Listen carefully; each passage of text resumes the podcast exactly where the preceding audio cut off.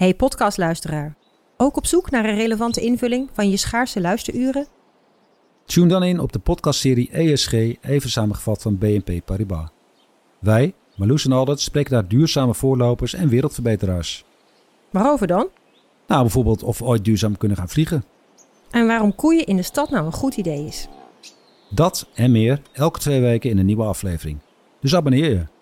ESG, even samengevat. Ik ben al jaren ondernemer, maar waar moet ik eigenlijk allemaal aan denken nu ik voor het eerst personeel wil aannemen, voor het eerst ga importeren of voor het eerst een bedrijfslocatie zoek? Weet wat je wel of niet moet doen bij zaken die je voor het eerst oppakt. Check kvk.nl voor praktische stappenplannen. KVK, hou vast voor ondernemers.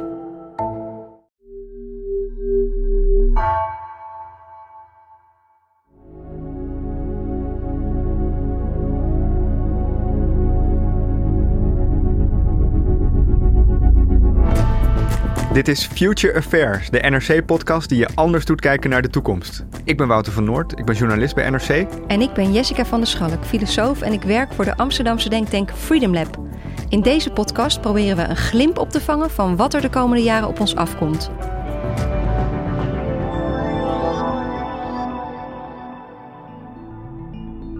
Als ik zeg Bitcoin, wat komt er dan in jou op? Nou, om eerlijk te zijn, verwarring. En niet per se over de technologie, maar wel over wat kan dat nou betekenen. En ik denk ook een beetje aan de mobiele telefoon toen die kwam. Het was voor een paar mensen echt wel duidelijk dat dat een enorme impact zou hebben. Maar wat precies en hoe groot, ja, dat lukte ons niet en dat lukt mij nu ook niet. Nou, ik merk zelf dat ik wel wat anders ben gaan kijken de laatste tijd naar Bitcoin. In 2010, in mijn jonge jaren als journalist, was een van mijn eerste stukjes ging over Bitcoin. Met als kop: Is Bitcoin een zeepbel? Nou ja, hij stond toen op 15 dollar, nu op 60.000. Had ik er een paar gekocht, had ik me er iets meer in verdiept in plaats van cynische vragen erbij te stellen, uh, had ik misschien toch een andere blik erop gehad. En het roept bij mij ook de vraag op: nam ik niet te veel die oude systeembril mee? Ja, ik denk dat zoveel mensen zich herkennen. Die denken elk jaar had ik maar, had ik maar een bitcoin gekocht. Maar helemaal nu, nu dat geldsysteem wat we nu nog hebben aan het rommelen is. Hè, we zijn aan het bijdrukken als een gek. De rentes staan laag. Dat kan niet zo doorgaan. Dat levert problemen op. Juist dit zou echt een moment kunnen zijn dat die bitcoin iets gaat betekenen. Maar wat precies, dat, dat lukt mij niet om dat te zien. Nou, nou, gelukkig hebben we daar wel iemand voor in de studio vandaag die dat wel kan. Bert Slachter. Uh, hij schreef samen met zijn broer Peter Slachter het boek Ons Geld is Stuk en waarom Bitcoin de oplossing is. En uh, wij vroegen hem naar waarom hij nou denkt dat Bitcoin een serieus alternatief is. Kan Bitcoin inderdaad dat begin zijn van een heel nieuw geldsysteem?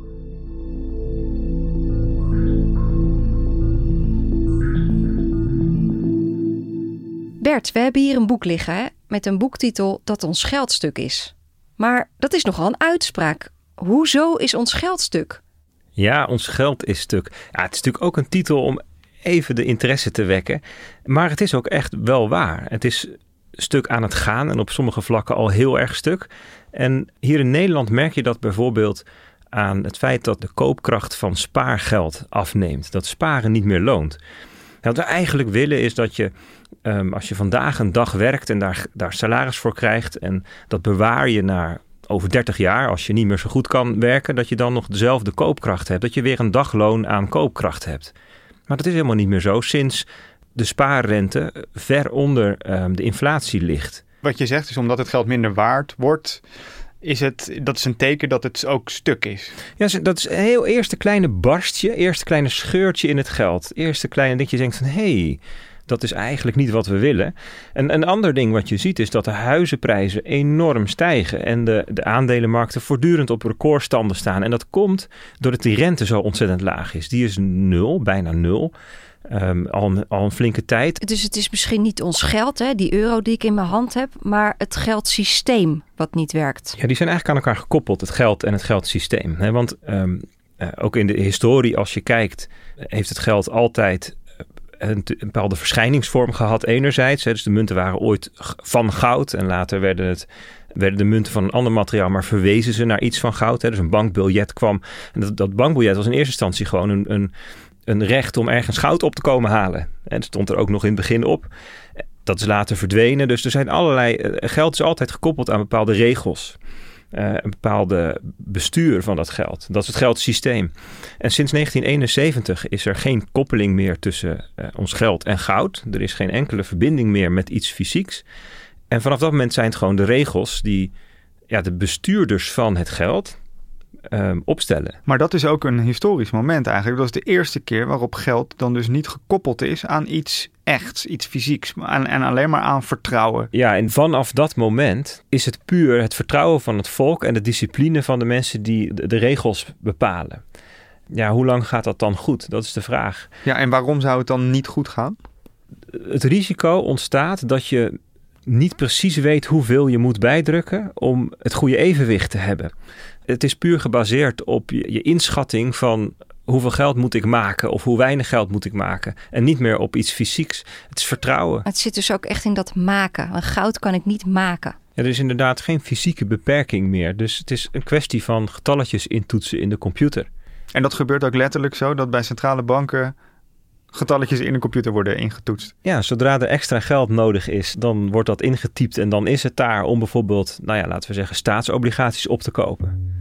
En dat is een oneindige bankrekening dan eigenlijk? Dat is eigenlijk een oneindige bankrekening. zou je ook wel willen hebben, denk ik. Iedereen wel, denk ik.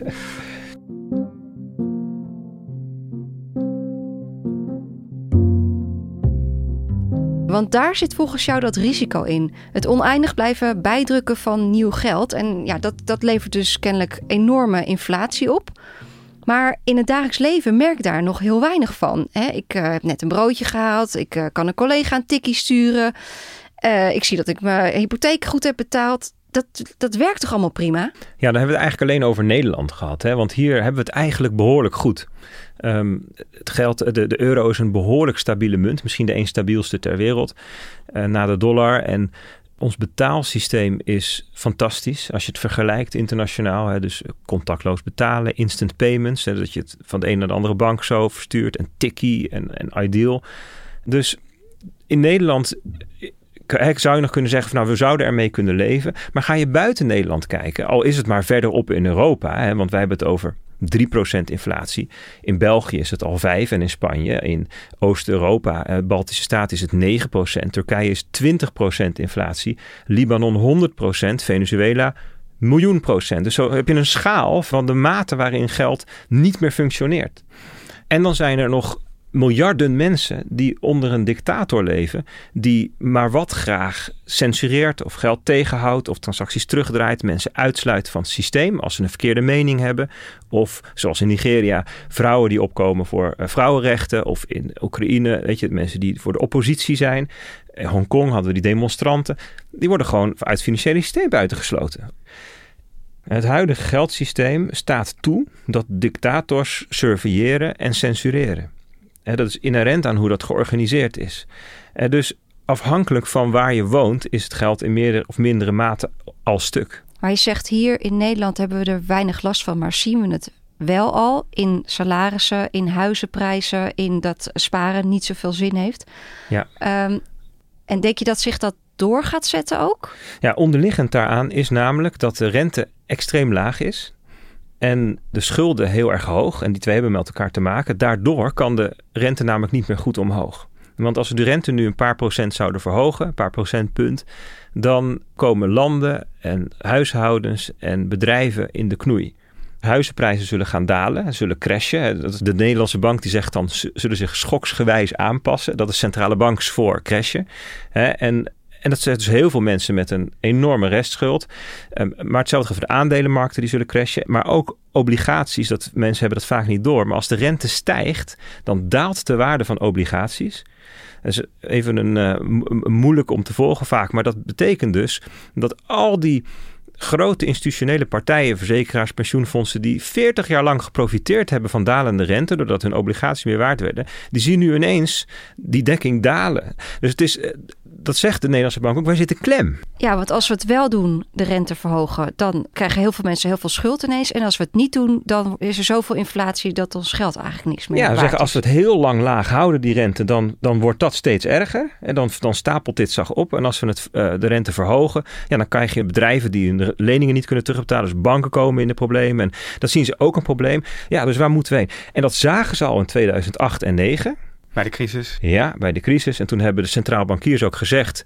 Het enige wat wij kunnen doen is liquiditeit verschaffen aan het systeem. Wij kunnen tijd kopen. Maar jullie moeten het oplossen, politici. Jullie moeten het systeem hervormen. En is dat gebeurd? Nee, dat is niet gebeurd. En dat is ook waar ze nu op terugkomen. Zeggen ja, we kunnen nogal weer meer dingen proberen. En dat doen ze ook. Hè. Dus met de coronacrisis hebben we heel nieuwe niveaus van, van extreemheid bereikt. Door in Amerika gewoon checks naar iedereen op te sturen. 1200 dollar voor jou. Dat is net Oprah Winfrey.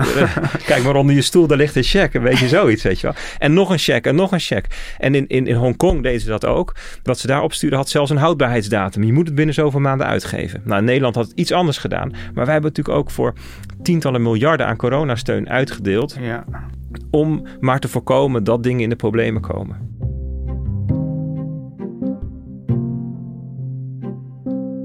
Jij zegt dus eigenlijk, uh, er wordt als een gek geld bijgedrukt. Er treden allerlei exotische fenomenen op, zoals negatieve rentes en zo. En nou ja, dat, dat geeft te denken over de staat van het geldsysteem. En dat zorgt er ook voor dat het niet goed klaar lijkt voor de toekomst. Ja, ja klopt. Ja. En hoe ben je dan op deze ideeën gekomen? In 2008 was ik in de Verenigde Staten toen uh, de Lehman Brothers viel. Het is de bank die wankelde door alle subprime mortgages, hè, de hypotheken met, met huizen met een, een lage waarde als onderpand, allerlei derivaten, constructies. En die bank die viel om, die ging failliet. En de mensen stonden in de rij voor de bank en hun geld was weg. Weet je, dat heeft een hele grote... effect op de andere banken. Ja, zeg maar die, die tijd. Ja. Die heeft veel indruk gemaakt. Ja, en wat ben je er toen mee gaan doen? Ik zag wat het deed met de mensen daar. De, de, rijen voor de banken, zeg maar. En het idee van, hè, het is niet zo vanzelfsprekend dat het geld dat ik op de bank heb staan daar morgen nog steeds is. Toen dacht ik, oké, dit is interessant. Dat er dus blijkbaar banken zijn die zo belangrijk zijn dat de overheid die moet redden. Hoe zit het in elkaar? Ik had een bedrijf en uh, internationaal, dus je, ik weet wel iets van geld en zo, maar dat was heel instrumenteel. En nu wilde ik eigenlijk wel eens weten hoe het grotere plaatje eruit zag. Dus dat ben ik eigenlijk gaan bestuderen, gewoon in de jaren daarna, omdat ik het interessant vond. En dan ga je zien, als je je daarin gaat verdiepen, ja, dat daar dingetjes rammelen. Dat, maar dat was voor mij eigenlijk alleen nog maar achtergrond, nog maar context. En pas toen we een boek gingen schrijven over Bitcoin en gingen kijken wat is nou de context waarin Bitcoin zich ontwikkelt, toen dachten we: hey, um, kijk, Bitcoin is een technologie. Misschien wel vergelijkbaar met internet of de mobiele telefoon, hè, van omvang, van impact. Maar waar het zich in manifesteert of waar het in groeit, dat is in de context van een geldsysteem. Dat enerzijds op zijn laatste benen loopt. En anderzijds een geldsysteem wat niet echt geschikt is voor de toekomst. De wereld wordt steeds digitaler en steeds wereldwijder, steeds internationaler van aard. En dus we gaan steeds meer eh, wereldwijd doen, grensoverschrijdend doen. Ehm, en als je wil weten hoe dat er een beetje uitziet, moet je kijken naar jongeren. Mijn oudste zoon is elf. En voor, voor die generatie is de virtuele wereld net zo echt als de fysieke wereld. Die, schakelen naadloos over van het in de speeltuin met elkaar spelen naar het in een game met elkaar spelen. Mensen schakelen moeiteloos van fysiek naar digitaal. Alleen dat geld schakelt nog niet zo lekker mee. Klopt. Dus niet alleen geld, maar alle digitale bezittingen. Dus dat kan geld zijn, maar dat kunnen ook um, aandelen of, of andere financiële bezittingen zijn, of digitale kunst. Um, het kan zijn dat je eigendomsrechten hebt. Het kan dat je diploma's hebt, identiteitsgegevens. Allemaal digitale bezittingen. Een concertkaartje is tegenwoordig ook gewoon een digitale bezitting. Hè? Die bestaat gewoon in een computer, een QR-code. Dus er zijn steeds meer digitale bezittingen, waaronder geld. Waarvan we eigenlijk willen dat we die 24-7 binnen een seconde gratis naar de andere kant van de wereld kunnen sturen. Maar dat lijkt me toch gewoon mogelijk met ons geld van nu. Of... Als je van de ene naar de andere bank in een ander land wil overmaken, moet je drie dagen wachten en betaal je heel veel geld. Maar is dat niet gewoon een technisch probleem wat we snel kunnen oplossen? Ja, dat proberen ze dus al heel erg lang. Maar dat is blijkbaar toch heel moeilijk. En dat heeft eigenlijk ook te maken met de aard van het geld. Want dat is nu heel lokaal georganiseerd. En ons tussen aanhalingstekens digitale geld. En wat wij zien als digitaal geld, is het girale geld op de bankrekening. Dat, dat is eigenlijk Ehm, zou je kunnen zeggen, een gedigitaliseerde vorm van contant geld. Je had eerst contant geld, briefjes en muntjes. En nou ja, bij de bank heb je een database met cijfers, met getallen erin, die daar eigenlijk naar verwijzen. Maar dat geld bestaat alleen maar bij de gratie van jouw bank. Als jouw bank er niet meer is, is jouw geld er ook niet meer. En dat heeft ermee te maken dat er een fundamenteel verschil is tussen de analoge wereld en de digitale wereld. In de fysieke wereld helpt de natuurkunde met het overdragen van eigendommen. En dus als ik, als ik jou een briefje van 10 geef, dan heb ik hem automatisch niet meer daarna. Er hoeft niemand hoeft daar toezicht op te houden. Dus het tientje zelf, het ene tientje, dat kan je geven en dan heeft daarna automatisch de ander het. En ik kan het ook niet meer zomaar terugkrijgen. En dan zou je de ander zou het moeten afpakken. En niemand kan het ook terugdraaien. En dan, dus dat is hoe, hoe dat fysiek werkt. In de digitale wereld is dat anders.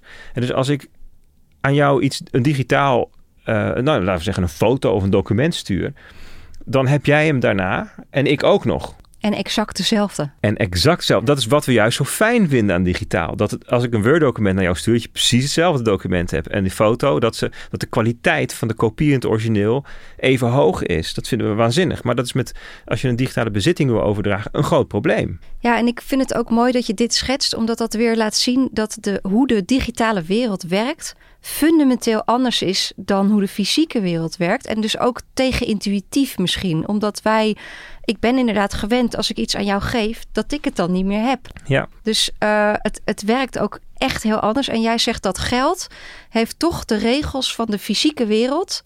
En die gaan niet mee in die digitale wereld. Ja, en wat we traditioneel doen is um, voor digitale bezittingen, zoals digitaal geld, dan stellen we een beheerder aan van zoiets, van het geld bijvoorbeeld. Hè? Dan maak je iemand um, een bedrijf of een centrale bank of een bank of een notaris. Die, maak je, um, die laat je een administratie bijhouden. Daar staat in, dit is van mij en dit is van Jantje en dit is van Pietje. En als Jantje iets aan Pietje geeft, dan verandert hij het in zijn boekhouding. En dat werkt dus prima op een lokale, tijdelijke schaal. Ja, en eigenlijk hebben we daarmee het geld gedigitaliseerd. We hebben er een soort van digitaal en niet alleen, voor bedacht, ja, maar het is nog niet echt digitaal. Nee, en niet alleen geld. Zo hebben we eigenlijk heel veel digitale bezittingen ja. gedigitaliseerd. Dus bijvoorbeeld ook een concertkaartje. Dat wordt bijgehouden door de, de ticketverkoper. En daar staat in de database dat jij dat concertkaartje hebt. Ja, dat vinden we tot nu toe allemaal nog niet zo'n ramp, weet je wel. Dat een, dat een partij dat beheert. Alleen, zodra je digitale bezittingen wil die 10, 50, 100 jaar moeten bestaan... en die wereldwijd bruikbaar moeten zijn, dan is zo'n centrale partij kwetsbaar. Ja, en ongeschikt misschien ook, omdat niet alle landen akkoord gaan. Exact.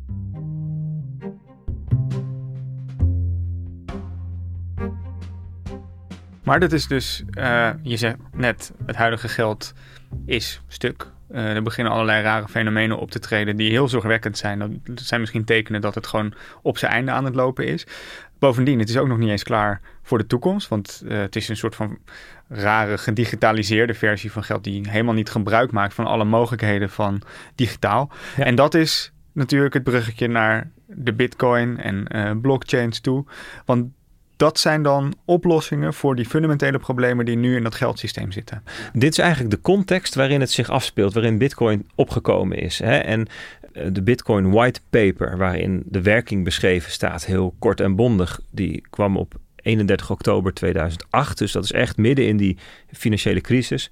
En de eerste, um, de eerste Bitcoin-transactie, zal ik maar zeggen, de software die ging live op 3 januari 2009. En, dan, en, en daarin zit een verwijzing naar de bailouts of de banks. Hè. Dus dat is heel duidelijk beïnvloed door, hè, door, door de tijdsgeest. Op het moment dat het uh, evident was dat er echt barsten aan het komen waren in het geldsysteem, toen werd Bitcoin publiek gemaakt en uh, ging het van start als oplossing voor al die fundamentele problemen. Precies. En, en al die fundamentele problemen zijn eigenlijk de context waarin we nu met elkaar nadenken over hoe de toekomst van het geld eruit zou moeten zien. En Bitcoin is niet de enige. Um, centrale banken zijn bezig met een nieuw soort geld, namelijk digitaal centrale bankgeld. En dat moet je eigenlijk zien als een digitale variant van contant geld. Dat, het lijkt veel meer op contant, geld dan op het girale geld wat we nu kennen. Het, is namelijk ook, um, het staat namelijk ook los van de commerciële banken. In Europa heet die de digitale euro. Ja. We zijn deze zomer, in juli zijn ze begonnen met, uh, met de onderzoeksfase. En dan, daarna volgt nog een implementatiefase. En dat gaat vijf jaar duren. Dus over vijf jaar hebben wij, als het goed is, een digitale euro. Die kunnen niet bijgedrukt worden? Die kunnen onbeperkt bijgedrukt worden. Dat wel. De Europese Centrale Bank die kan doen en laten wat hij wil. Sterker nog, het is digitaal geld en het kan geprogrammeerd worden. Dus ook het gedrag van dat geld kan ja, ik zou, ik zou willen zeggen, naar believen worden bepaald. Dus je kunt van het geld bijvoorbeeld bepalen waar je het aan uit kunt geven. Alleen voor voedsel, alleen voor onderdak, alleen voor de huur. Niet bij de koffieshop, wel bij de... Dat zou kunnen. Ja, dat zou kunnen. Je kunt ook zeggen, het heeft een houdbaarheidsdatum. Na drie maanden eh, doet het geld niks meer. Of je kunt zeggen, ja Wouter, jij eh, besteedt iets te veel geld. Dus we jij moet iets meer sparen. Dus jou geven we 5% rente.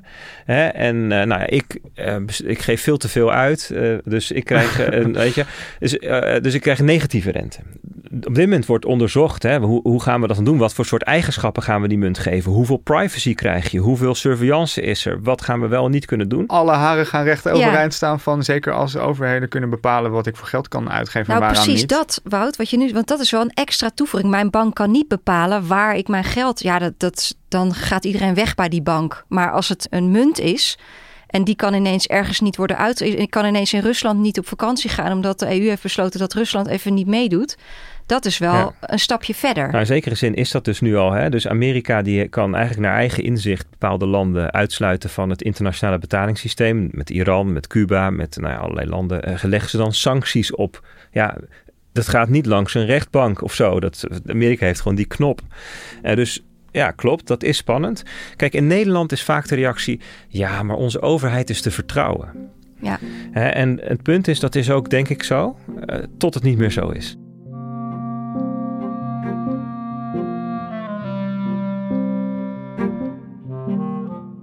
Ja, dus ook het oude systeem... dat geeft eigenlijk bepaalde landen, bepaalde partijen heel veel macht. Ja, het zijn dus de centrale banken, of je zou kunnen zeggen de overheden of de nationale munten, waar een echt digitale versie van wordt gemaakt.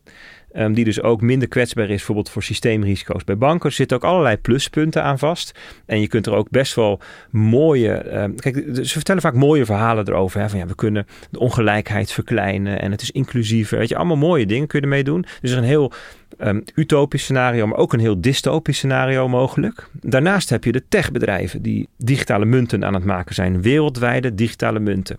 De bekendste is wellicht die van Facebook. De Libra. What if we made money truly global,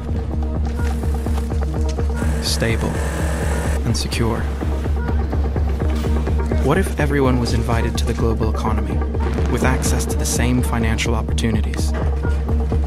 A new global currency designed for the digital world.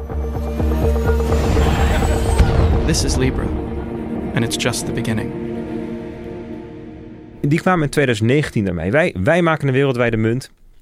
En nou ja, het kwartje viel meteen hoor bij alle overheden. Dachten, oké, een wereldwijde munt die Facebook bij hoeveel, hoeveel gebruikers hebben ze? 1,7 miljard meteen in gebruik kan nemen. Dat Meer, vinden we volgens mij zelfs 3 miljard Nou ja, eh, zo- inmiddels. Ja. Zoiets, ja. Ja. Dus dat vonden ze spannend. Dus in Europa zei men meteen, dat gaan we niet doen. Hè. Dat, dat komt aan onze financiële of onze monetaire soevereiniteit. Hè. De, de Franse minister van Financiën sprak zich er heel expliciet tegen uit.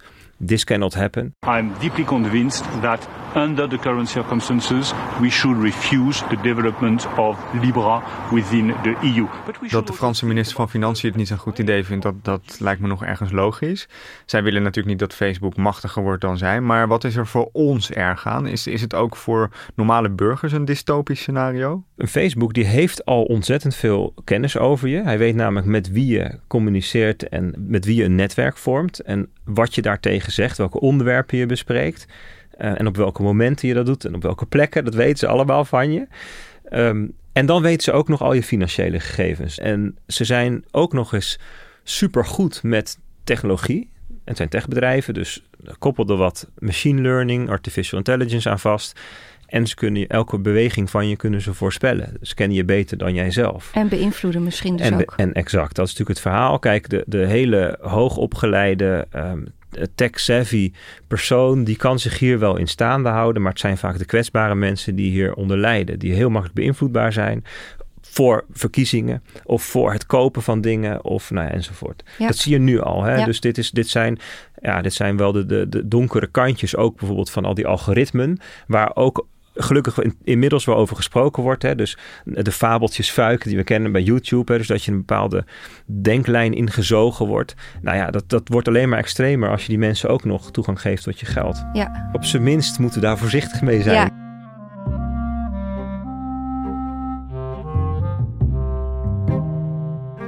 Je maakt het podium goed leeg, maar alles is een ramp. en er komt nu misschien een oplossing in de vorm Nou van... een, een derde optie daarnaast is Bitcoin, die in, Ja. dus in 2008 bedacht is en, en de afgelopen 13 jaar opgegroeid is van een totaal experiment naar, nou ja, eh, inmiddels voor een gedeelte van de wereld geschikt. Het is, je moet het echt zien als een heel jonge technologie. Het staat echt nog wel in de kinderschoenen. Maar goed, Bitcoin is onafhankelijk. Het is niet van een land, het is niet van een bedrijf. Het is open, het is open source, dus iedereen kan de broncode bekijken, maar ook iedereen kan meedoen aan het netwerk. Iedereen kan onderdeel worden van het systeem. Iedereen kan zeg maar de rol van de centraal bankier gaan vervullen in het systeem. Eh, Dus een heel ander soort principe. Het lijkt wat dat betreft meer op het internet. Het is natuurlijk ook een, een open, onafhankelijk protocol. Dat TCP/IP, het, het internetprotocol of de internetprotocollen, die zijn van niemand. Nee. Eh, En, en als Sony een smart TV wil maken, dan hoeft hij niet ergens toegang te vragen om het op internet aan te mogen sluiten. Dat, dat is gewoon, dat kun je gewoon doen. Dus je bedoelt, er is geen centrale partij die bepaalt of wij iets kunnen uitwisselen. Ja, die bepaalt of jij mee mag doen. Ja, Of dus- dat ik mee mag doen. Of dat de transactie tussen ons wel of niet oké is. Ja, dus een van de grootste verschillen is bijvoorbeeld dat eh, als ik nu geld wil overmaken naar jou, gaat dat altijd via een bank. En als ik met Bitcoin dat wil doen, dan kan ik dat zonder een bank, zonder een centrale partij aan jou geven. Dat gaat net als met dat tientje. Ja. Dus het lijkt heel erg op dat tientje. Geef jij dat aan mij en dan daarna is het van mij. Kun je het ook niet meer terugdraaien. Niemand kan het terugdraaien. Niemand kan tegenhouden. Niemand kan iets voortrekken. Niemand kan de regels veranderen. Niemand kan de bestedingsvoorwaarden van het geld veranderen. We gaan niet helemaal in deze podcast eh, blockchain weer opnieuw uitleggen en eh, de explainer der explainers doen die al eh, overal zichtbaar is en, en te luisteren. Kan je ons wel een beetje de bullet points geven van wa- wat maakt die blockchain technologie, die bitcoin technologie nou mogelijk, wat het oude geld echt niet kan? Ja, dus ik denk de essentie van de uitvinding van Bitcoin is dat een grote groep mensen, tienduizenden, honderdduizenden mensen die elkaar niet kennen, niet hoeven te kennen, die niet eens elkaars vrienden hoeven te zijn, die elkaars vijanden mogen zijn, die bereiken consensus over wat van wie is. Die worden het met elkaar eens over welk geld van wie is. En dat is eigenlijk waar het allemaal om gaat. Dat is namelijk waar je voorheen een centrale partij voor nodig had, waar, waar je iemand moest aanwijzen die de administratie bijhield. Dat kan dus nu een collectief die elkaar niet kent, met elkaar doen. En niemand kan ook aan die administratie zomaar rommelen. Klopt. Omdat de regels van wat er wel en niet mag, die liggen vast in de broncode. En als er één iemand besluit om die regels niet te volgen, dan zal die door de rest worden genegeerd. Ja. En dus dat is, je kunt pas als meer dan de helft, en in het geval van Bitcoin, van, eh, vanwege de manier waarop dat is georganiseerd, is dat echt een overweldigende meerderheid. Als die met elkaar zegt: Oké, we, we komen tot de conclusie dat de regels anders moeten, dan, dan kan dat. Het is een beetje vergelijkbaar met schaken. En Als jij als enige zegt van nou, ik vind dat een paard nu een andere sprong maakt, kun je vinden, maar dan gaat er niemand meer tegen je schaken. Dan ben je eigenlijk niet meer aan het schaken. Tenzij iedereen zegt, oké, vanaf nu eh, hebben we een bord van 9 bij 9, dan ineens is schaken veranderd. Maar dat moet wel iedereen doen. Want als je dat enige doet, dan zegt iedereen, wat is die gast aan het doen? Het is heel democratisch. Ja, het is, het is extreem democratisch. Ja. En wat het interessante eraan is misschien, is ook dat anders dan eh, geld, normaal geld, wat niet meer hoeft te voldoen aan de goudstandaard, kun je niet oneindig bitcoins maken, toch? Nee, er zijn er 21 miljoen. Dat lag al vast op het moment dat de broncode voor het eerst in gebruik werd genomen. En eh, die worden op een bepaalde manier in omloop gebracht. Ehm, steeds ietsjes langzamer. Er zijn er nu een kleine 19 miljoen in omloop, 18, komma zoveel. En in 2040 dan, dan is praktisch alles in omloop. Eh, de allerlaatste satoshis komen pas nog weer 100 jaar later. Maar Satoshis zijn een beetje de centen van de, de bitcoin. ja, zeg maar een de- euro is in 100 Ja. centen op te delen. En een bitcoin is een 100 miljoen satoshis op te delen. En zijn dat er wel genoeg? Dat zijn is dat wel toekomstbestendig, een, een afgebakend aantal eh, bitcoins? Ja, ja, ja, zeker. Op dit moment is 1 euro 2000 satoshis. Hè, dus als je 1 cent 1 satoshi wil laten zijn, kan bitcoin nog 20 keer zoveel waard worden. En dus dan zit je al op de orde grootte dat het even groot is als, als alle, al het geld ter wereld nu. Maar, maar je zou het zelfs nog kleiner kunnen opdelen. Ja. En dus bovenop de basislaag van bitcoin is inmiddels een betaallaag gebouwd. En daar werkt men al met millisatoshis, dus 1 duizendste, om bijvoorbeeld micropayments te kunnen doen. Dus dat je een fractie van een cent aan iemand betaalt. voor... Dat is eigenlijk wel grappig. Het lijkt wel de andere kant op dan wat geld doet. Want geld moet je soms misschien wel een paar nullen wegstrepen. En hier moet je eigenlijk juist het steeds kleiner maken. Ja, moet je het kleiner opdelen om, ja, om nieuw soorten toepassingen mogelijk te maken. Wat impliceert dat? Als er, uh, er zijn dus maar 21 miljoen bitcoins, terwijl centrale banken met een druk op een knop extra miljarden uh, aan euro's kunnen creëren. Waarom is dat dan beter? Waarom is een eindige hoeveelheid bitcoin beter dan een oneindige hoeveelheid euro's? Nou, we weten niet eens per se of het beter is. Het is anders. Ja. Kijk, goud is ook niet oneindig, maar ook niet vast. Hè? Dus er werd, wordt, werd, wordt nog steeds ongeveer tussen de anderhalve en de 2 procent van de goudhoeveelheid die er al is, wordt er per jaar bijgedolven. Dat is een beetje een redelijk constant. Dus er komt elk jaar komt er anderhalf, 2 procent bij. Dat, eh, ik bedoel, dat heeft eh, eeuwenlang heeft dat gewerkt. Ja, wat is, de best, wat is het beste systeem? Dat is een goede vraag. Dat weten we. Dat, ja, dat experiment kunnen we niet doen. Hè? We hebben maar één wereld. Maar het klinkt toch van als we Bitcoin hadden gehad, dan waren we gedwongen om bij mensen te vragen: kom alsjeblieft wat geld geven, want we moeten van alles oplossen. En dat klinkt dan toch uh, simpel gezegd, dan hadden we niet geld bijgedrukt, maar dan hadden we dus ja, toch belasting moeten heffen of misschien het vragen. Maar hoe dan ook, mijn portemonnee is leeg aan het einde van, uh, van het ja, jaar. Dus er zijn, zijn verschillende opties hè, wat je dan had gedaan. Of je had inderdaad geld opgehaald om, om alles in stand te houden. Of je had daadwerkelijk bedrijven failliet laten gaan. Ja. En dan, wat er dan dus gebeurt, is dat allerlei bronnen, zoals mensen en spullen en gebouwen die dan weer beschikbaar komen voor nieuwe ondernemingen die dan gaan starten. En want uiteindelijk als, als de vloed wegtrekt, dan gaan mensen de boel weer herbouwen. Zo is het nou eenmaal. Maar bij deze crisis, hè, waar we nu net uh, nou, niet eens uit zijn nog, was ik toch wel heel blij dat er geld bijgedrukt kon worden om uh, die financiële steun te geven. En ik zie eerlijk gezegd ook niet wat daar een alternatief voor zou zijn. Uh, zeker niet als we bitcoin hebben waarbij helemaal niet kan worden bijgedrukt. Dat weet ik niet. Omdat het natuurlijk een digitale munt is, kun je dat wel heel snel organiseren. Jongens, doe allemaal een beetje in het mandje. Ja, en iedereen moet meedoen dan inderdaad. Ja, maar laten ja. we wel wezen. Um, dit is ook een van de grote vragen ja. die ik zelf ook zou hebben bij hoe ziet een wereld op basis van een munt die je niet kunt bijdrukken eruit. En wat we in de historie zien, is dat munten die uh, bijvoorbeeld gekoppeld waren aan goud, dat landen die koppeling loslaten als er oorlog uitbreekt. Ja. Dat zagen we in de Eerste Wereldoorlog. Uh, Engeland bijvoorbeeld heel veel meer uitgegeven. En dan daarna zeggen ze, oh ja shit, nu moeten we eigenlijk weer terug naar, naar, de, naar de goudstandaard. En dat is dan heel moeilijk. Ja. Uh, dus dat, dat is ook zo.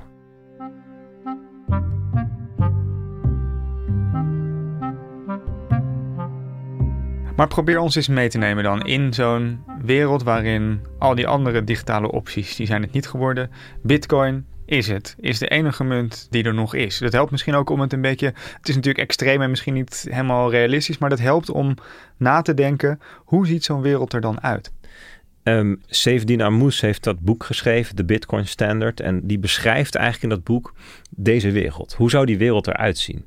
En ja, wat je dan hebt is een geld wat um, zijn waarde vasthoudt. Sterker nog, over tijd iets in waarde toeneemt. Dus door puur je geld gewoon niet uit te geven, is de koopkracht morgen ietsjes groter dan vandaag. Omdat er 21 miljoen zijn, maar de, de wereldeconomie groeit wel. Ja. Omdat bijvoorbeeld het aantal mensen groeit of de productiviteit groeit. Ja. En dus dat betekent dat de koopkracht van één Satoshi of van één bitcoin of van hoe je het, dat maakt er niet uit, van elk stukje geld langzaam ietsjes toeneemt. En dat zorgt ervoor dat mensen echt wel diep zullen nadenken over zal ik het geld vandaag uitgeven. Dus je gaat waarschijnlijk niet meer je geld uitgeven aan rotzooi die je nodig hebt, plastic, meuk of zo. Als iets stuk is, ga je kijken, kan ik het laten repareren in plaats van kopen we wat nieuws. Ja, dat zien we nu al eigenlijk gebeuren. Er is zo'n heel beroemd verhaal van de Bitcoin Pizza. Een gast die een uh, aantal jaren geleden voor een aantallen Bitcoin... Uh, ja, 10.000 Bitcoins, twee pizza's. Holy moly. ja. Nou ja, dat is dus nu miljoenen. Vele miljoenen is dat waard. En had hij even op zijn geld gezeten, uh, dan had hij nu de hele wereld voorraad aan pizza's kunnen opkopen. Ja, maar en... kijk, dit is iemand, dat was voor, ik denk dat het 2011 of zo was. Dit is een, dus misschien wel het eerste geregistreerde datapunt van dat, dat een bitcoin waarde had. Namelijk dat er een transactie heeft plaatsgevonden. Ja. En dat is ook de reden dat hij het deed. Maar ja. dat was wel de tijd, Wouter, dat mensen elkaar gewoon nog tienduizenden bitcoins opstuurden om het netwerk te testen. Hè? Zeker, dus... maar dat, was, dat is dus ook een voorbeeld van hoe het al zo is dat als jij wacht met het ja. uitgeven van bitcoin. Dat je dan vaak blijer bent dan als je het meteen uitgeeft. Ja, kijk, er zijn 21 miljoen bitcoins. Er zijn op dit moment 200 miljoen bitcoin bezitters. wereldwijd. En dat is natuurlijk niet niks. Sterker nog, dat is 10 tot 100 keer zoveel als al die andere cryptomuntjes. Dus het is, er is ook een ontzettend belangrijk, uh, gigantisch verschil tussen Bitcoin en dan de hele tijd niks en dan de rest. er zijn 200 miljoen mensen die hebben dat. En er is een, al een ontzettend grote verankering in alle maatschappijen. In de vorm van ontwikkelaars die eraan bouwen. En juristen die er wetgeving voor maken. En ambtenaren die erop zitten. En ondernemers die er bedrijfjes mee maken. En banken die het mogelijk maken. Enzovoort. Allemaal hartstikke mooi. Maar het is pas 200 miljoen ja, van de 8 miljoen. Nee, maar ik, ik, ik, ik, kom op je punt. Maar dus, dus wat we nu zien. Hè, dus er zijn er, er 21 miljoen. En dat is het aanbod.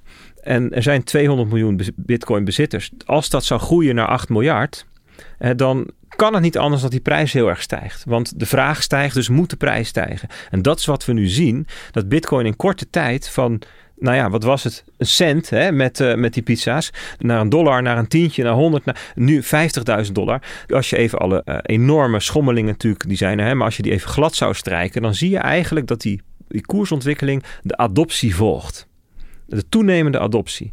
Dus gewoon eigenlijk simpelweg hoe meer vraag, hoe hoger die prijs wordt. Dus als die vraag blijft stijgen, zal ook de prijs blijven stijgen. Nu, even... nu, is dat dus heel extreem, hè? omdat we nu nog in die fase zitten van in gebruikname. Ja. En we hadden het net over een wereld waarin Bitcoin, waar we uiteindelijk op terecht zijn gekomen dat iedereen het al heeft. En dan heb je het echt over hele, ja, hele schappelijke deflatie, misschien 1, 2, 3 procent per jaar. Dat is heel anders dan nu. Want nu heb je het dus over dat Bitcoin uh, gemiddeld 200 procent per jaar in waarde toeneemt. En dat is vanwege die adoptie. En dat zou dus ook stoppen als de adoptie stopt. Dus stel dat Bitcoin dat er niemand meer bij komt, en dan stopt ook met waardetoename. Ja, maar laten we ervan uitgaan dat er nog wat mensen bij zullen komen. En dat die, nou ja, dat wordt op een gegeven moment een soort van redelijke deflatie. Dan wordt een uh, bitcoin nog maar 2% per jaar meer waard. Maar zelfs dat, dat is een totale omkering van wat geld nu is. Nu hebben we inflatie, wordt geld minder waard. Wordt je eigenlijk gepusht om het snel uit te geven, om te consumeren.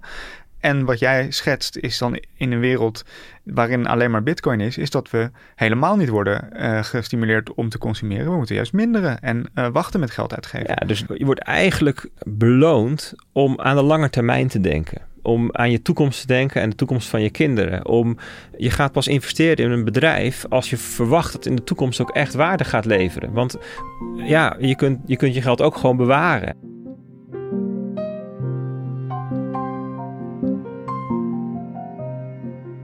Het lijkt ook een beetje dat als je dan de luxe hebt om inderdaad je geld te sparen, dan wordt het meer waard. En word je dus ook rijker in de toekomst. En dat doet me ook wel denken aan wat er nu in de vastgoedwereld speelt.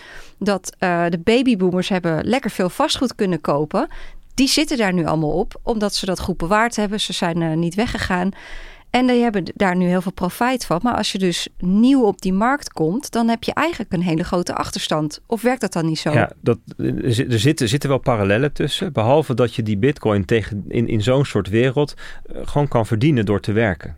Het, terwijl het instappen in dat vastgoed, dat is niet een kwestie van werken. Je hebt ook toegang nodig. Kijk, in het begin is het anders. Hè? Dus, dus als je zo'n opkomende asset class hebt, zoals vastgoed, maar er zijn heel veel meer voorbeelden. De aandelenmarkt heeft ook ooit andere verhoudingen gehad.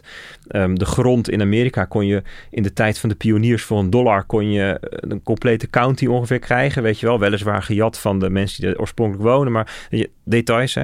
Maar um, dat zie je altijd. In het begin is het makkelijk en op een gegeven moment wordt het moeilijker. En, en bij Bitcoin is het een kwestie van ja, als je gewoon werkt, dan verzamel je geld wat zijn waarde behoudt. Dus daar zit wel een nuanceverschil. Je kan er in ieder geval aan toetreden, maar toch is het zo dat als je 30 eh, jaar de tijd hebt om te sparen, dan heb je wel echt fors meer geld dan als je er ja, maar, maar iedereen die begint, begint weer op hetzelfde punt. Kijk, en er is op zichzelf niks mis mee dat als je aan je carrière begint, aan je loopbaan, aan je leven, dat je dan met weinig begint en dat je met veel eindigt. En als je ook nog wat kunt doorgeven aan je kinderen, dan kun je ze iets meegeven, weet je wel. Ja, en een verschil is natuurlijk ook, kijk, de huizenmarkt is beperkt. Dus uh, de jonge mensen kunnen niet in een huis. En jij zegt nu, dat is een verschil met die bitcoinmarkt, want iedereen kan erin stappen. Het is nou niet dat er schaarste ontstaat. Nee, nee, er is wel schaarste in de zin van dat niemand uh, bitcoins kan bijmaken. In die zin is vergelijkbaar met huizen. En je kunt ook niet miljard huizen bijbouwen in Nederland.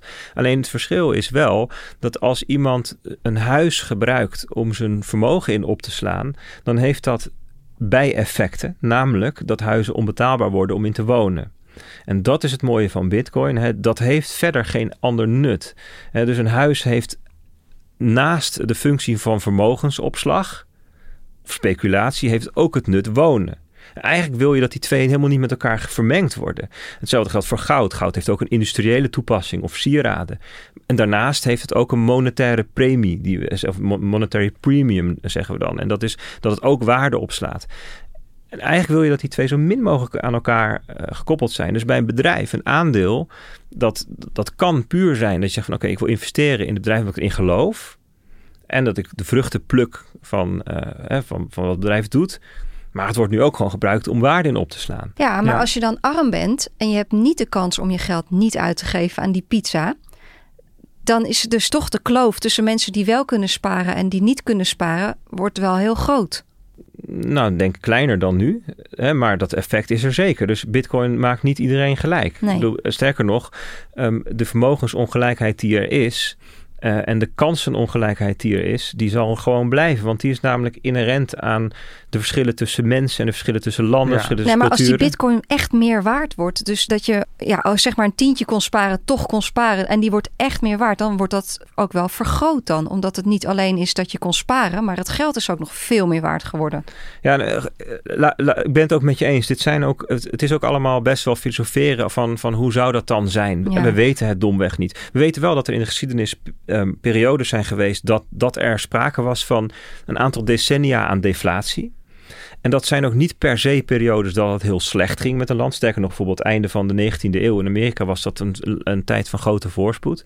Um, dus ook deflatie begrijpen we nog niet per se precies. En deflatie zijn mensen, economen, vaak heel bang voor, omdat het namelijk ook optreedt. Er is ook een hele schadelijke vorm van deflatie. Namelijk als mensen het vertrouwen verliezen in de toekomst en denken van, oh, mijn vooruitzicht is slecht, dus ik, ik ga niet meer uitgeven. En dus daalt het inkomen van bedrijven en dus uh, daalt de winst, moeten ze mensen ontslaan, mensen worden werkloos, krijgen ze nog een slechter beeld van de toekomst. Weet je, dat is een spiraal naar beneden toe. Waar mensen heel bang voor zijn met deflatie. Dat is een slechte vorm van deflatie.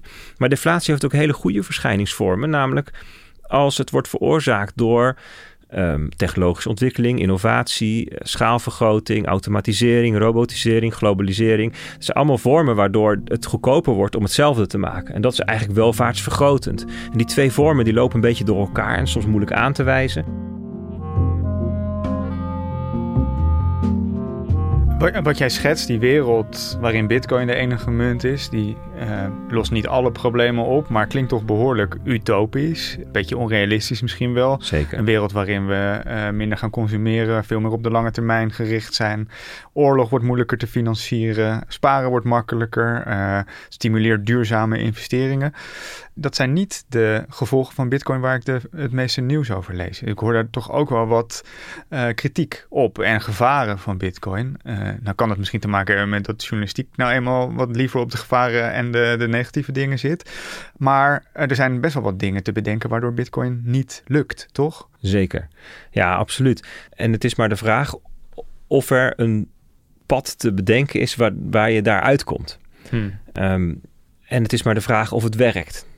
Er zijn ook allerlei argumenten om te zeggen, nou ja, zo werkt het helemaal niet. En dus het is, ik ben het helemaal met je eens. Dit is, heel, dit is eigenlijk de meest utopische toekomst die je kunt bedenken. Wat zijn de risico's van Bitcoin? Waar gaat het nu mis, waardoor dat utopische scenario eigenlijk eerder ja. buiten beeld en binnen beeld ja. terechtkomt? Bitcoin is een technologische ontwikkeling. Hè? Dus het, er zijn allerlei dingen die nog uitgevonden worden. Het is opkomend.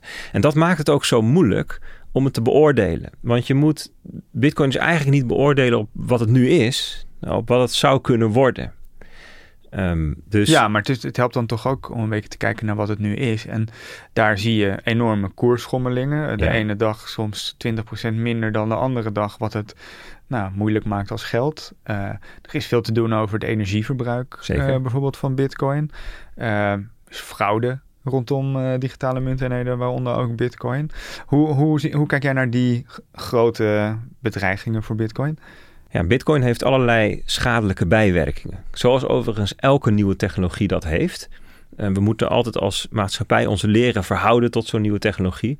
een voorbeeldje is het internet, dat, we, dat er ineens phishing mogelijk werd. En dan moesten we leren dat je niet zomaar op alles moet klikken.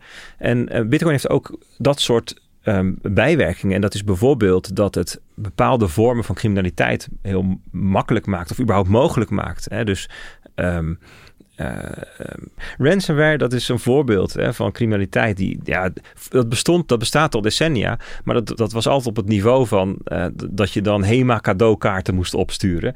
Weet je, dat is ongeveer het grootste. Want je kunt niet zomaar zeggen van maak dit over naar deze bankrekening. Nee. En nu, nu bitcoin er is, kunnen criminelen zeggen we leggen je bedrijfsnetwerk plat en je betaalt ons losgeld in bitcoin en dan geven we het weer vrij. Precies. Dus bitcoin maakt een bepaalde soort criminaliteit mogelijk. En er zijn, het is ook helemaal nieuw. Dus we kennen ook, weten nog niet zo goed hoe ziet nou een, echte bitcoin eruit? Dus er zijn ook mensen die verkopen gewoon nep bitcoins. Ja, die zeggen dus, geef mij 10.000 euro, geef ik jou bitcoins. En doen dat dan niet. Weet je, dat soort fraude is er. En de gretigheid van de mens, die wordt natuurlijk heel erg aangewakkerd.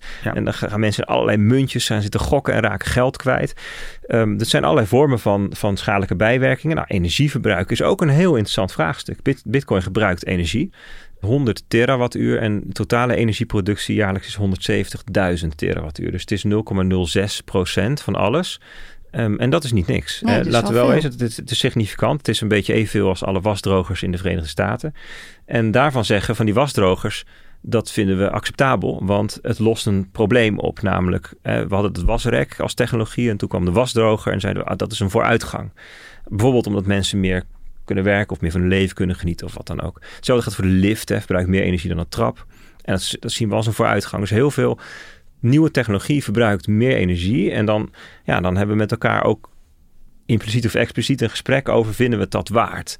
En dat is denk ik wat er bij Bitcoin ook moet gebeuren. Kijk, er wordt wel eens gezegd hè, van als, als iedereen ter wereld Bitcoin zou gebruiken, dan zou het meer energie verbruiken dan wat we nu hebben. Nou, dat is onzin. Hè, want zo werkt de schaling van Bitcoin niet.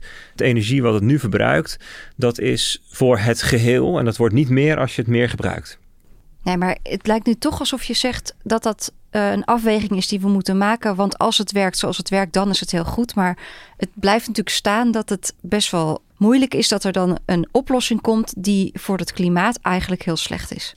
Het, kijk, het punt is als je het onderwerp energie echt in wil duiken, dan wordt het een veel complexer gesprek met voor's en tegens. En dus daarom, weet je, in zo'n gesprek slaken meestal plat tot.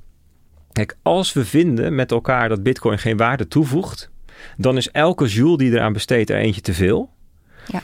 En als we wel vinden dat het waarde heeft, bijvoorbeeld omdat er honderden miljoenen mensen die nu geen kans krijgen om fatsoenlijk, eh, geen toegang hebben tot fatsoenlijk geld, dat wel krijgen, om maar een voorbeeld te noemen. Mensen die gecensureerd worden, die zich weer kunnen uitdrukken. Ja, dat, kun je, dat is natuurlijk moeilijk te kwantificeren, maar als we dat een bepaalde waarde vinden hebben, kijk, dan verschuift de discussie van hoeveel energie verbruikt het naar hoe wekken we die dan op. Ja, maar stel nou dat het uit de hand loopt qua klimaat, criminaliteit, dat er, dat er dingen gebeuren met die bitcoin die echt heel onwenselijk zijn maken dan juist die kenmerken van Bitcoin dat het heel decentraal is, dat het heel democratisch is.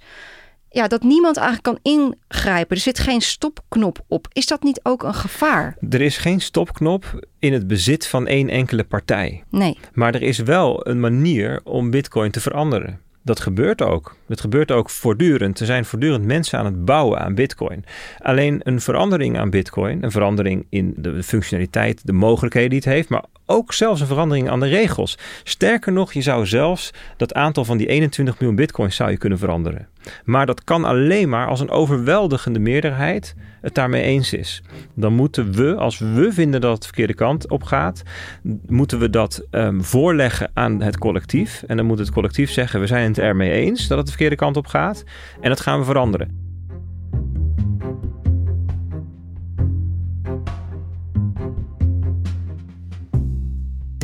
Oké, dus aan de ene kant heb je dat ene extreme scenario. Bitcoin neemt alles over. Alles wordt vervangen door die digitale munteenheid. Maar er is natuurlijk ook nog iets anders mogelijk. Een ander extreem scenario. De hele Bitcoin uh, is mislukt. Stop ermee. Bitcoin kan ook mislukken. Bitcoin kan ook over tien jaar niet meer bestaan. Nou, noem eens op. Wat, wat kan er gebeuren waardoor het helemaal stopt? Nou, er kan een een fout in zitten die we nu nog niet zien. Hè? Dus een, een, technische fout, dus een bug in de code. Oh, ja. En eh, als we daarachter komen van ja, dan, dan ja, oh jongens, ja, dat kunnen we niet oplossen. Dat zou ik, ja, bedoel, we kunnen het ons eigenlijk niet meer voorstellen, omdat er al zoveel geniale mensen naar, naar die code gekeken hebben. Maar het is natuurlijk een theoretische mogelijkheid. Kijk, het meest voor de hand liggend is iets wat ervoor zorgt dat het voor mensen heel onaantrekkelijk is om te gebruiken. En want wanneer faalt Bitcoin? Dat is als die adoptiecurve die ingezet is niet wordt voltooid. Uh, hoe bedoel je dat dan? Nou ja, als, als, kijk, om te zorgen dat Bitcoin zo gedecentraliseerd blijft dat niemand de regels kan aanpassen, is er een bepaalde hoeveelheid economische activiteit nodig. Met Bitcoin. Met Bitcoin. En daarvoor is nodig dat Bitcoin een fundamenteel onderdeel wordt van de wereldeconomie Ja. in de komende 10 tot 20 jaar. Dus als die adoptie st- stagneert, om welke reden dan ook, dan zal op termijn van 10, 20 jaar Bitcoin falen. Zoals maar- hij nu is, kan hij niet blijven. Nee, klopt. Als je wil dat de meerderheid van de mensen het in gebruik neemt, dan moet het gereguleerd zijn. Dan moet het een onderdeel zijn van het gereguleerde financiële systeem. En kijk, er zal altijd een groep mensen zijn die zegt, nou, ik vind, ik weet je, tegendraads, ik gebruik gewoon zo'n soort munt die eigenlijk niet mag. Hè? Maar het grootste gedeelte van de mensen die wil gewoon netjes. Ja, nou, en er is dus een soort van kritische massa nodig. En eigenlijk wat jij zegt is dat de enige manier om die kritische massa voldoende laag te krijgen, is een wereldwijd gecoördineerd verbod. Ja, dat is een optie. Ja. Dus als je nou ja, als, als overheden het gecoördineerd zo onaantrekkelijk maken voor mensen dat ze het niet in gebruik nemen, Ja. ja, dan zal Dan op termijn. Bitcoin niet overleven. Dus, dus als tegenhanger tegenover dat hele utopische scenario van alleen maar bitcoin, bestaat er een mogelijkheid dat er helemaal geen bitcoin is? Hoe ziet dat scenario eruit? Dan moeten we daar ook bang voor zijn dan? Of... Nou, als er helemaal geen bitcoin is, dan heeft niemand een optie om bitcoin te gaan gebruiken. Want dat is denk ik het mooie wat bitcoin kan bieden. Bitcoin kan mensen een alternatief bieden op het bestaande. Dus, dus als er ehm, overheden komen met ehm, digitaal centrale bankgeld en techbedrijven komen met munten. En in sommige landen heb je misschien nog gewoon bestaande geld, contant geld. Dan is Bitcoin daar een alternatief voor. En je ziet dus, Bitcoin is een technologie die steeds een stukje beter wordt. Dat is hoe technologie werkt. En eh, helemaal in het begin, toen Bitcoin er net was, was het echt super onhandig, super onduidelijk, moeilijk, duur, traag, gedoe. De enige mensen die op dat moment ehm, dat voor lief namen, waren eigenlijk criminelen. Want dat, is, zie je eigenlijk, dat zie je eigenlijk altijd bij technologie. Hè? De eerste eh, eh, mensen die het adopteren zijn vaak criminelen. Want die hebben namelijk geen regels waar ze zich aan hoeven te houden. Ze hebben onbeperkt geld eigenlijk meestal. Hè? Dus, en ze nemen heel veel voor lief als het ze maar... Nou ja, en in de loop der tijd zie je dat, dat er steeds groepen bij komen die zeggen... nou, nu is het goed genoeg voor mij. En dan zie je dus dat mensen in Venezuela en Nigeria... dat je die heel weinig hoeft uit te leggen over iets wat zijn waarde behoudt. Of wat niet nagemaakt kan worden. Ja. Of niet gecensureerd kan worden. Maar wat, wat gebeurt er als, dat, als die optie er niet is? Als er geen optie is om bitcoin als een soort van alternatief te hebben. In, wa- hoe erg is dat? Nou, dan kunnen de andere partijen dus doen met hun geld wat ze willen. Want op het moment dat, dat je wel bitcoin als optie hebt, dan, is er, dan zou je kunnen zeggen, er is een soort van bovengrens aan hoe slecht je het geld kunt maken. Of ondergrens. Eh, dus als je het... Want als je het maar slecht genoeg had, dan kunnen mensen Dan naar mensen bitcoin. En dan wordt het een concurrerend systeem. Ehm, ja, ik geloof dat jij het was die ooit bitcoin de contrastvloeistof noemde. Nee, de crisis had ik het over. Deze crisis is een contrastvloeistof Ah, voor, nou, voor de verandering. Ik, ja. vind, ik vind bitcoin ook een soort contrastvloeistof. Ja. Omdat het namelijk laat zien hoe goed of slecht het geld is. Zonder bitcoin heb je niet een soort van objectieve maatstaf. Bitcoin is een soort van objectieve of neutrale meetlat... waaraan je kunt zien hoe goed het geld is. En het houdt centrale banken scherp en het houdt de Facebook scherp dat ze wel iets moeten brengen wat op zijn minst concurreert met Bitcoin, ook in de voorwaarden en de privacy en de veiligheid. Daarmee is het automatisch, precies, houdt Ja. het ze scherp, Ja. omdat het bestaat. Ja. Dus je zou kunnen zeggen, ehm, als je een nationale munt hebt, dan zullen de meeste mensen van nature de voorkeur hebben voor die nationale munt. Want je moet je belasting erin betalen, je krijgt uitkeringen, toeslagen erin, ambtenaar krijgt erin betaald. En waarschijnlijk zullen we de dingen in de winkel ook prijzen in die nationale munt. Dus de meeste mensen zullen als bitcoin en de nationale munt even goed zijn, kiezen voor de nationale munt.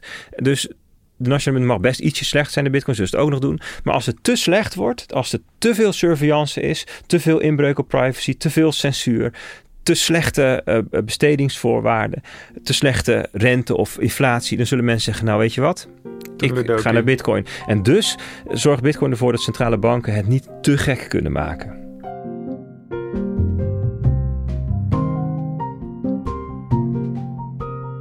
Je schetst dus twee extreme scenario's. Eh, wat is volgens jou, wat denk jij zelf de komende jaren? Hoe gaat het zich ontwikkelen? Enerzijds heb je het scenario dat Bitcoin de enige overgebleven munt is. Dat is denk ik best onrealistisch. En anderzijds het scenario dat Bitcoin helemaal verdwijnt. Dat het er helemaal niet meer is straks. Ja, persoonlijk lijkt me dat ook niet het meest waarschijnlijk. En daartussen zit een heel, hele waaier aan mogelijke toekomsten. Waarin Bitcoin op meer, min of mindere mate een rol speelt. Uh, of een ander soort rol. En ja, daarin zit één vorm die mij het meest waarschijnlijk lijkt. Namelijk dat landen gewoon hun eigen nationale munt houden voorlopig. En ook één voor één zullen vervangen door dat digitaal centrale bankgeld. Digitaliseren dus.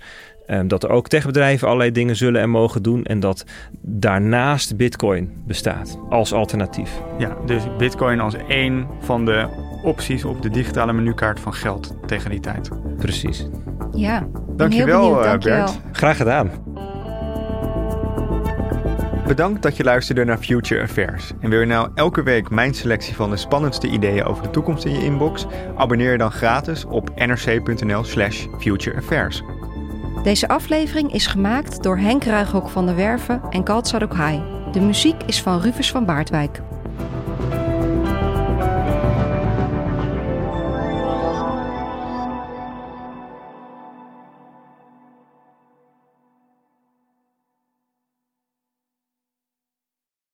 Technologie lijkt tegenwoordig het antwoord op iedere uitdaging. Bij PwC zien we dit anders. Als we de potentie van technologie willen benutten, kunnen we niet zonder een menselijk perspectief. Human-led, tech-powered noemen we dat. Ga naar pwc.nl.